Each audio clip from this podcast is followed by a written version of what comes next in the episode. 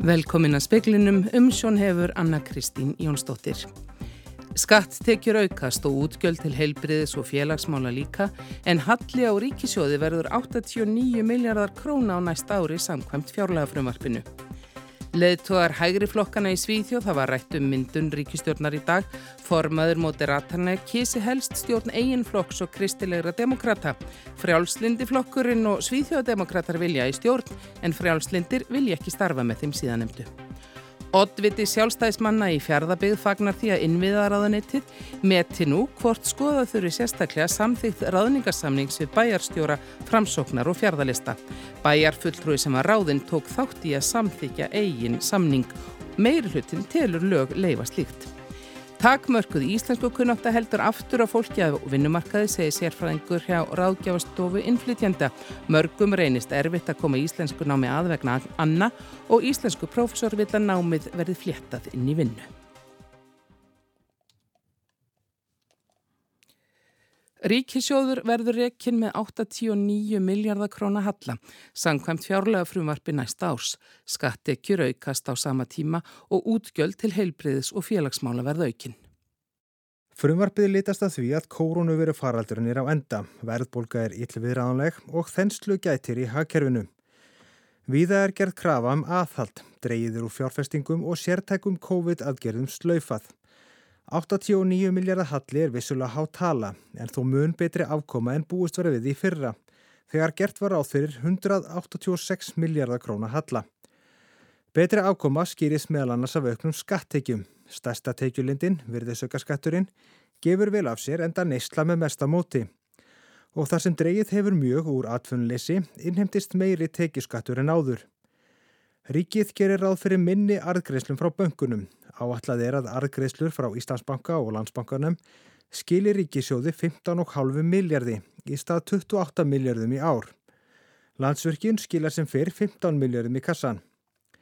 Helbreyðsmálin eru langstæsti málaflokkurinn sem miða við útgjöld á hvern íbúa, svo málefni aldrara og örökkugreislur. Vakstakostnaði ríkisins er umtalsverður eftir skuldasöfnuna í faraldrinum en 66 miljardar fara í vakstakjöld og er það fjórði stærsti útgjaldaliðurinn. Mesta útgjaldaaukningin milli ára er í félags, húsnæðs og tryggingamál, það sem rúmum 6,2 miljardum verður bætt við og aukningin í heilbreyðsmál nefnur tæpum 4 miljardum.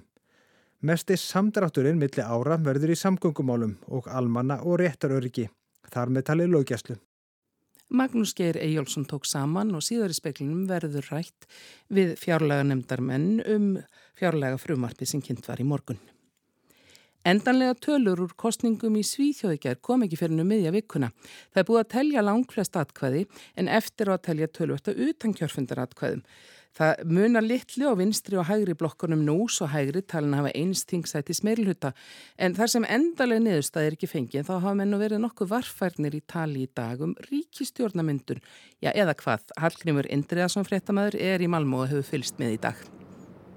Jú, uh, það hefur reyndar verið fundað í dag. Uh, Ulf Kristersson, uh, leiðtói Móttirartina, hefur fundað já, einslega með Jimmy Åkesson, leiðtóa Svíþjóðdemokrata og leðtógum uh, liberalana, fjárslindaflokksins og uh, leðtóga kristilegra demokrata uh, og uh, það er, menn hafa svona einhvern veginn kallað þetta séu í raun svona óformlega stjórnarmyndunar viðræður þó ekkert náttúrulega formlegt sé farið í gang en það úslitin ekki, ekki hérna ljós. En uh, uh, það sem en það eru eins og er allar líkur taldar á því að þetta verði niðurstaðan, að það verði uh, hægri blokkin haldi völdum og að uh, það verði þá valda skipti í mm. Svíþjóð. Hver er talin líklegastu til að leiða hægri stjórn ef að verður eins og við segjum, svo við sláum nú alla varnagla? Það er eiginlega alveg örugt að það verður Ulf Kristersson, leiðtói mótiratina. Þó að Svíþjóðdemokrata síður stæsti flokkurinn núna, þá er til dæmis eins og uh, kom fram í ynganum hjá þér það er frjálslindi flokkurinn vill ekki vinna með þeim og uh, það er því líklega talið að þeir sitja ekki í ríkistjórn, uh, muni semja um einhver ákveðin málefni sem skilir þið fyrir stuðningi við uh, hægri stjórnina og að það verði þá Ulf Kristersson sem verði næsti fósættisáðra svíþjóður. En halda menn þetta muni taka svona já, langan tíma svo ég byrði þig nú um örstuðt svara. Uh, Þetta mun taka einhver tíma en uh, síðast þegar það var verið að mynda ríkistjórn eftir kostningarna 2018 þá tók það með minni 147 daga. Það var mjög erfið stjórnarmyndun og í það minnsta uh, sagði talsmaður, held ég gott að það var ekki talsmaður sænska þingsins núna sem var nú eiginlega vissum að þetta myndi í það minnsta ekki taka svo langan tíma en uh, sennilega, en þetta, þetta, verða, þetta verður einhver tími, ég held að það sé nú alveg óhætt að fulla það. Takk fyrir þetta Hallgrímur Indriðarsson.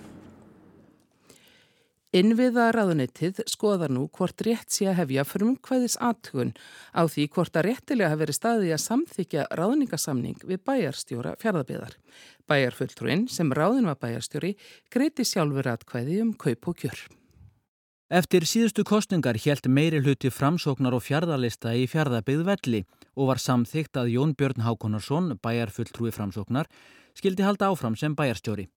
Nýverið sendi innviðaráðnitið bref til fjárðabygðar vegna þess álita máls hvort kjörnir fulltrúar mættu taka til máls og greiða atkvæði um eigin ráðningarsamning.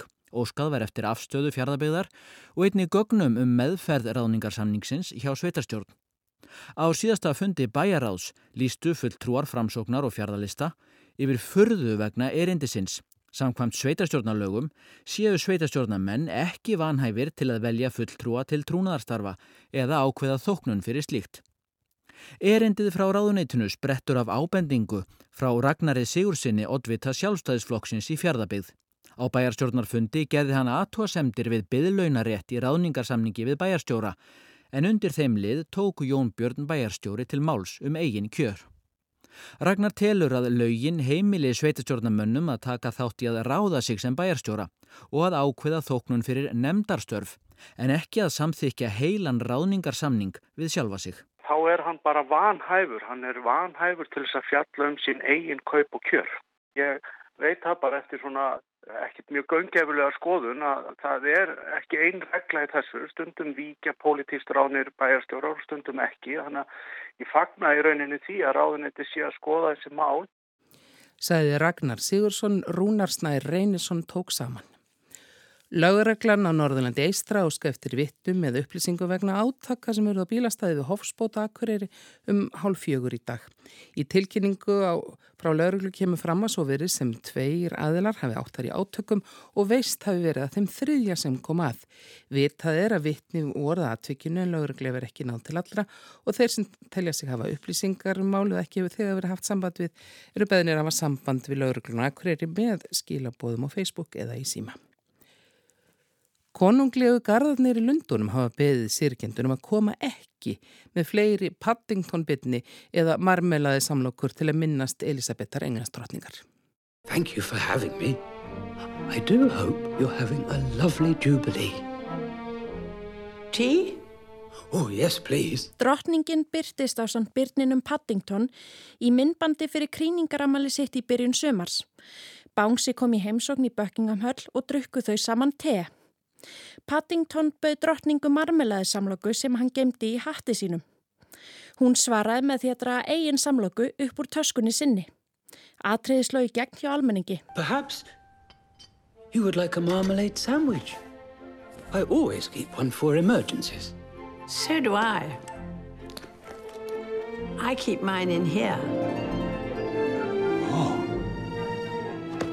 For later.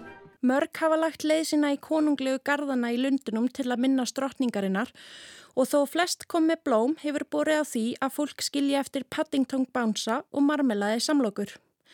Gardarni fundu sig knúna til að beðja fólkum að koma kvorki með Bounsa nýja samlokur. Einni að fólk beðum að taka plast utan á blómum svo þau brotti niður í náttúrunni.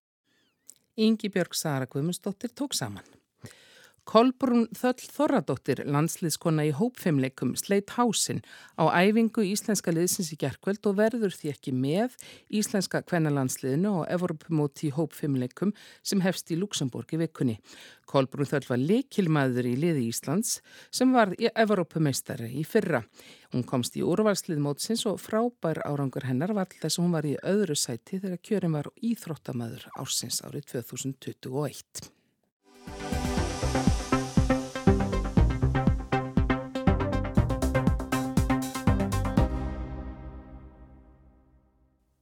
Stór bæta þarf aðgengi útlendingað íslensku kjensli. Kjenslu eigi tungumálið að haldast nótæft á öllum sviðum samfélagsins. Annars er hætt við tví skiptu samfélagi, segir profesor í íslenskri málfræði.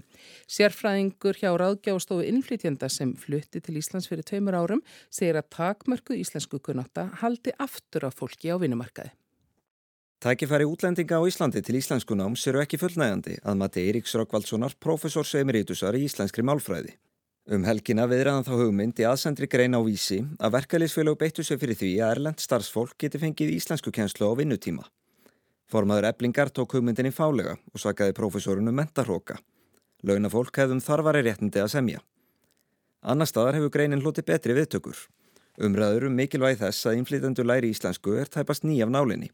En hvers vegna skiptir tungumálakunnóttan máli? Eina ástæðan er það að við viljum geta notað íslensku sem samskiptamál hér á landi og eftir því sem útlendingum fjölgar, útlendingum sem kunni ekki íslensku, þá takmarkast þau svæði og svið þar sem íslenska er, er notuð. Erlendi ríkisborgarar á Íslandi eru nú um 55.000. Það er í fjórðungu fólks á vinnumarkaði er af erlendum uppruna og samtöku einaðarins bá því að hlutvalli geti farið upp í alltaf helming á næstu áratugum. Margir setja stað án þess að læra nokkra íslensku, vinna sína vinnu í ennskumælandi umkörfi og hafa lítil tækifæri til íslenskunáms utan vinnutíma. Hverja verða afleðingar þess ef ekkert verður að gert? Ég, það sem að um, gerist er ég hrettur um er að við fáum þetta tvískipta þjóðfélag þar sem að annars vegar er uh, fólk sem kann ekki íslensku eða ekki mikla íslensku í, í láleina störfum tiltöllega einangrað og það notar ennsku meira og minna sem, sem samskiptamál þetta fólk er þá fast í þessum störfum og hérna kemst ekki úr þeim börnið þess eh, þetta út úr skóla og svo framvegis og þetta eh, bara býður upp á ástand eh, sem að ég held að við viljum ekki sjá. Krafan um að útlendingar aðlægi samfélaginu og læri tungumálið er algeng, ekki bara á Íslandi heldur um alla Evrópu. Er hún sett fram á forsöndum fólksins sjálfs eða Íslendinga? Hafa allir útlendingar sem flytast hinga til lands sérstakann áhuga á að læra íslensku? Nei, nei, auðvitað er það ekki svo að, að, að allt fólk sem kemur hinga vilji læra íslensku og, en ég held samt að, að stór hlutið sem ætla sér að vera hér á annar borð vilji gera það og myndi gera það ef það hefði aðstöðu til þess. Það eru nefnileg ekki bara Íslendingar sem krefjast bættrar íslensku kjenslu fyrir útlendinga. Krafan er háværi hópi erlendra borgara, segi Sara Albargúti, sérfræðingur hjá Ráðgjáðstofu innflytjenda. Hún flutti til Íslands árið 2020. Tímaskortur reynist þeim sem vilja læra íslensku erfiður. So from my experience uh, personally, it was the time, finding the time after work and the energy after work to go and learn Icelandic, maybe after having a long day at work or having maybe a stressful day at work, is just having that motivation. And from the interactions we had with asylum seekers and refugees, it's the same, similar thing. Það getur einst erfitt að finna tíma og orku eftir langan vinnudag til að fara á íslensku námskið. Þetta þekki Sara af eigin raun en hún segir hælisleitendur og flótamenn sem leita til ágjafastofu innflýtenda gert hann deila þeirri sín. Í nýleiri grein á vísi viðrar Eiríkur Ökvaldsson þá hugmynd að íslensku kensla verða einhverju leiti samófin vinnunni. Þannig tækju atvinnureikandur eða hugsanlega heiðu opimbera þátt í að styðja við íslensku nám þeirra sem eru nýfluttir til landsins. Ástæðan fyrir því að ég eh, nefndi þetta hérna, sem uh, hugsanlega kröfu í kjærasamningum er að, að hérna, ef uh, það á að vera þannig að fólk geti tekið uh, hluta af vinnutímanum í íslenskunám þá hlýtur það að þurfa að koma inn í, inn í kjærasamninga hlýtur að vera sagt, getið um það í kjærasamningum að þetta sé heimil. En hvers vegna vilja útlendingar læra íslensku? Gera þeir það vegna kröfu frá samfélaginu eða hafa þeir unverulegan hag af því? Sara segir bæði spila inn í. Bæði vilji fólk aðlaða samfélaginu og auka tækifæri sín á vinnumarkaði. So it's a bit of both. It's, for the personal gain to maybe prosper in the career because also in Iceland in order to have maybe a career or high, higher paying jobs or office jobs you need to learn Icelandic. Þetta síðastnemda er algengt sjónarmið. Mörg dæmi er um hámentað fólk sem flyttu til landsins, oft utan Evrópu, en fær ekki starfi sínum geira vegna takmarkaðar íslensku kunnóttu. Nicole Lee Mosti, formaður samtaka kvenna af erlendum uppruna, flutti til Íslands upp úr aldamótum. Hún vann við ræstingar í sjö ár áður en hún hóf störf á leikskóla. Nicole segir algengt að fólki sér aðlagt að sækja um á leikskóla til að bæta íslensku kunnóttu sína. Það sýnist að korki gott fyrir leikskólan, nýja starfsfólki sjálft að fólk sæki þangað í þeim eina tilgangi. Að hérna, fólk ætti hérna, að geta flettið sig inn í það starfs hérna, sem þau hérna, koma til að starfa í þó að það er kannski ekkit uh, í þeim hæsta hérna, stuðu en bara þar að, að þau getur tilenga sér tungumál, þekkja það og fá tækifæri til þess að fleita sig áfram innan þennan fyrirtæki. Fordæmin eru til staðar, segir Nikól, til að mynda úr heilbreyðiskerfinu. Ég veit að inn í heilbreyðiskerunum, þá er það, við erum farið að sjá mikið framför þar. Þar sem fólk er að fá hérna, góð íslensku kennslu á vinnutíma sem er að hérna, hjálpa þeim og styðja við að þau hérna, ná tök á hérna, starfið sem þau hérna, eru mendað í og ná að koma sig upp í það starfi. Saði Nikól Límosti. Alexander Kristjánsson tók saman.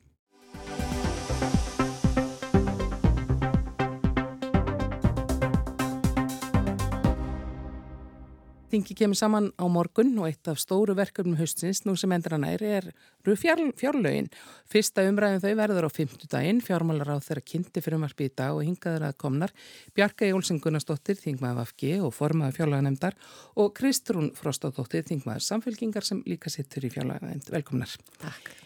Maður byrja nú bara svolítið opið, sko. Pestin er að baki, verðbólgan er gengin aftur, þetta á svona við, við um heim, líka hérna í okkur og hvaða áhrif hefur þetta á fjárlegin? Bjarka, við byrjum bara hjá þér. Já, sko, það eru kannski ekki búin að gefast mikil tími til þess að fara vel ofan í fjárlegin eins og gefur að skilja að við komum nú bara fram í dag frá stjórnaráðunum, en þá hefur svona kannski ef við ekki segja, við rýsum hraðar upp heldur en við gerum, þar sem hagkerfið er að koma hraðar til og þar af leiðandi eru tekjuröðu kast og skuldinnar talsvert mikið lægri heldur en að gefta ráð fyrir til þessu upphafi þess ás.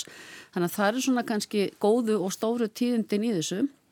Síðan eru þetta um, haldið áfram að standa vörðum uh, almannatryggingakerfið og, og um, um uh, hérna, hvað ég segja, þá svona sem að minna eða höllum fætti standa í samfélaginu um, og uh, það er áframhaldið að leggja til inn í heilbríðiskerfið, uh, inn í greiðsluþáttökunna, um, við erum að uh, hækka örurskúllífurinn lóksins um svona kannski hvað þess að til að mæta verbulgunni, því miður hefur það ekki verið gert til fjölda margra ára en nú er það gert og það er vel. Um, og við reyðumst auðvitað í aðgerir í vor gegn verbulgunni, það er að segja með hækkun húsnæðisbóta og, og barnabóta og síðan um, erum við auðvitað eða eru framöndan eins og fjármálar á þeirra kynnti í dag þá eru tilugur til hvað ég segja í húsnæðismálum og öðru slíku eru í vinsli hjá starfsópi sem að kemur vonandi, ekkert vonandi á að komast að niðurstöðu og skila til okkar fyrir aðra umræðu fjárlega Þannig að það er svona eitt og annað en það eru, það, það eru margar, margar áskoranir áfram þrátt fyrir að COVID sé búið mm. og við það, tökumst á við það við Kristrúni í fjallanemt. E, sko það er gert ráð fyrir, sko þetta eru svo stóra tölur að maður nækast vel út, mm -hmm. út þannig að það er 1300 miljardar eru heldar útgjöldin já. og það halli á ríkisjóði verður, já næstu 90 miljardar á næsta mm -hmm. ári, samkvæmt þessari hérna Þessu, þessu frumvarpi mm -hmm. en í ár eh, kannski verður 140 þannig að hann er greinlega gert ráð fyrir að verður tölvöld minni Já. á næsta ári Já. Eh, viðsnúningun hefur verið snarpur menn sést þetta ekki á þessum tölum þó Jú, auðvitað er jákvægt að í rauninni staðaríkisjóð sé að styrkjast en ég held að við þurfum að horfa að það í því samengi að sko, til hvers er ríkisjóður?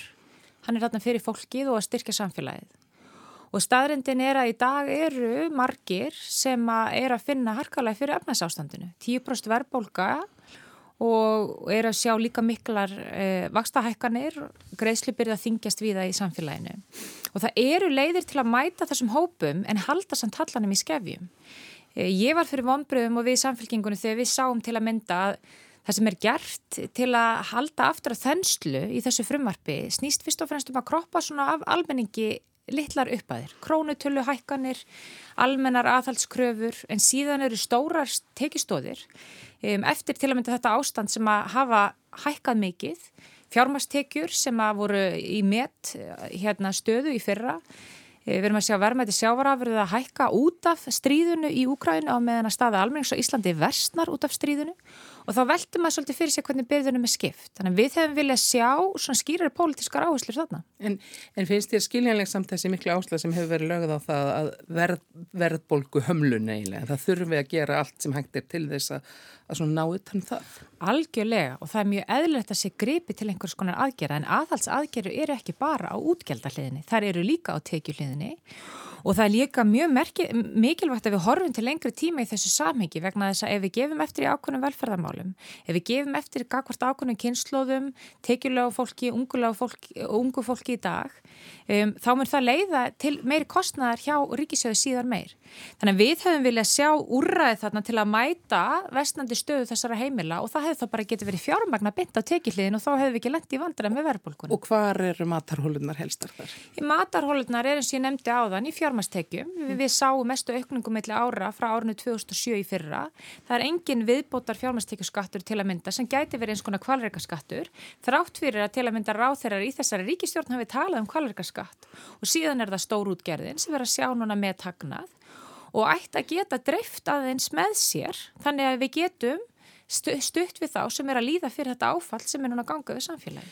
Hvað segir þú Bjarki? Hefur þú viljað horfa öðruvísi á tekjuhliðina í þessu? Sko að mörguleiti hefði ég auðvitað vilja gera það og ég hef alveg eins og Kristrún tala fyrir því að, uh, að þrepaskipta til dæmis fjármastekjuskatti.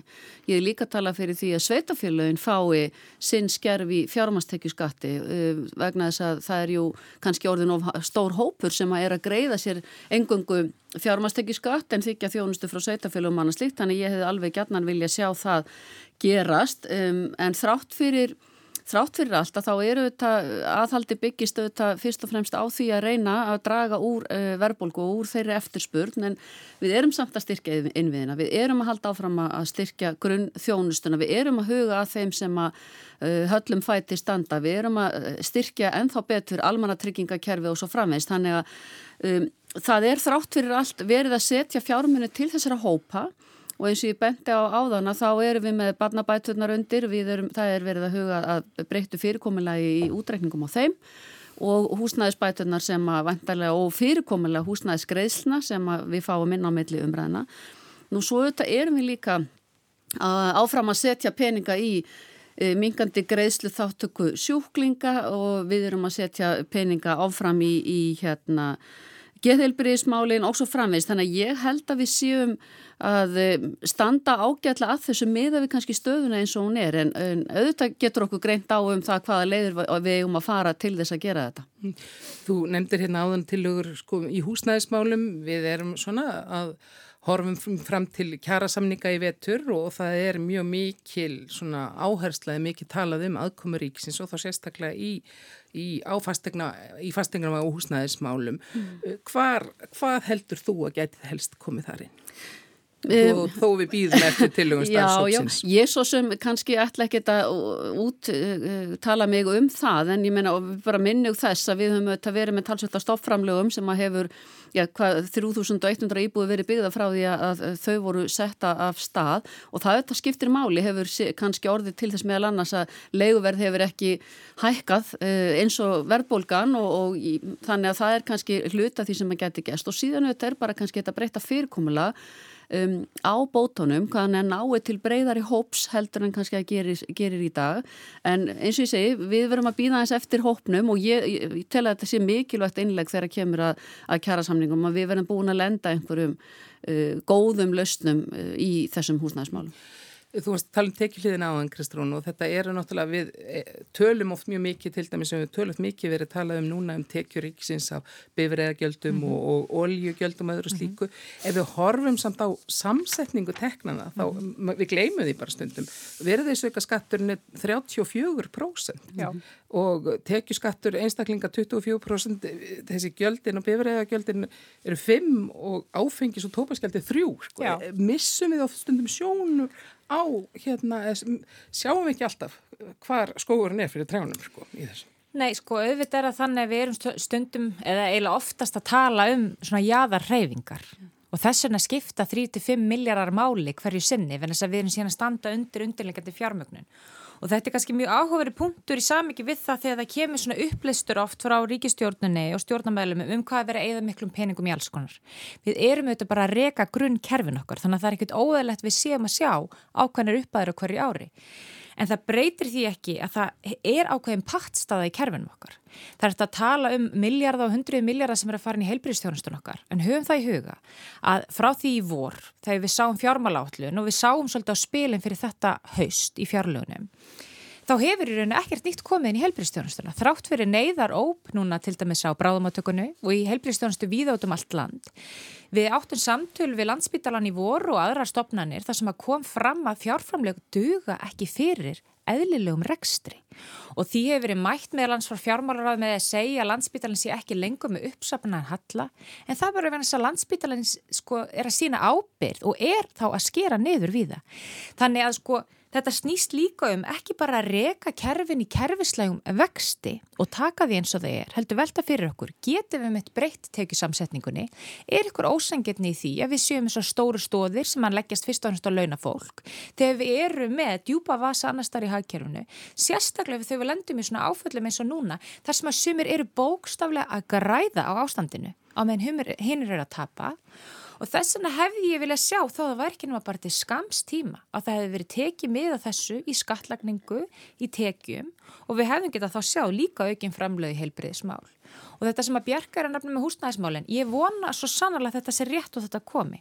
Það sem ég ger eins og er aðtöðsend við er eins og fjárlögin standa í dag og fara inn í þingið og fara til alla umsagnaræðila og alla þeirra sem treysta á ofenbyr framlög þá eru tveggja miljardakróna niðurskurður til húsnæðismála og við munum ekkert sjá þessar breytingar ef þær koma fyrir en kannski rétt fyrir áramót. Og við höfum að gera þá kröfu til stjórnvalda að þau hafi, hafi meiri fyrirreik en svo að skila í rauninu bara opnum tjekka og treysta á það að þessi gripi ykkur að varasjóði sem að áýrun ekki reyka ríkið á. Hvar finnst þið verið að skilja oknum tjekka? Í húsnæðismálum til að mynda. Þá er bara sagt, já það er niðurskurur hérna núna, en svo munum við sjá þegar líður mögulega á umræðana hvað við gerum. Sko, það hefði alveg verið hægt að taka pólitíska ákvörðin að segja, við líðum bara ekki, það er litla fjármaks sem er þarna, við munum alltaf verðnamerkja 5 auka miljardar hvað sem, svo sem það er og þannig við, þið viti að við setjum þetta inn í en þetta treystir fjármálar á þeirra sér ekki til að gera. Björgei, þið talar hérna, Kristún nefni hérna fjármála állurina sem við höfum svo sem út, erum, við erum búin að tala, nefna hérna eins í okkar, okkar samtali. E, fjárlögin sem núna er lögð fram, þingið áttur að taka þau, er ekki búið að binda þetta og reyra þetta allt meira að minna saman í fjármála állurina?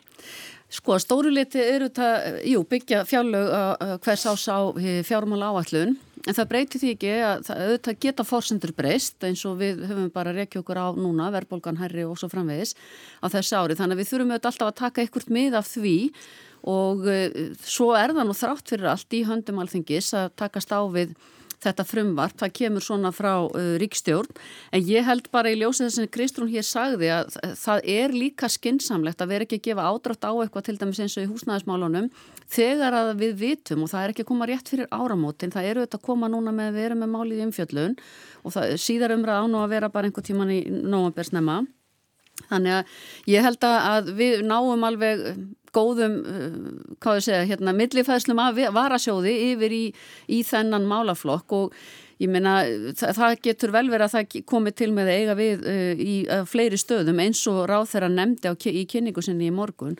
En ég vil bara segja það hér að það eru þetta áskoranir eins og ég sagði víða meðal annars í heilbriðismálun sem við þurfum að taka þrátt fyrir sem að setja 30% af útgjöldum ríkisjós á næsta ári í heilbriðismálin 320 miljardar um, þá er þetta risastór málaflokkur sem við þurfum að fara daldi vel ofan í og, og vita hvort það eru hólur.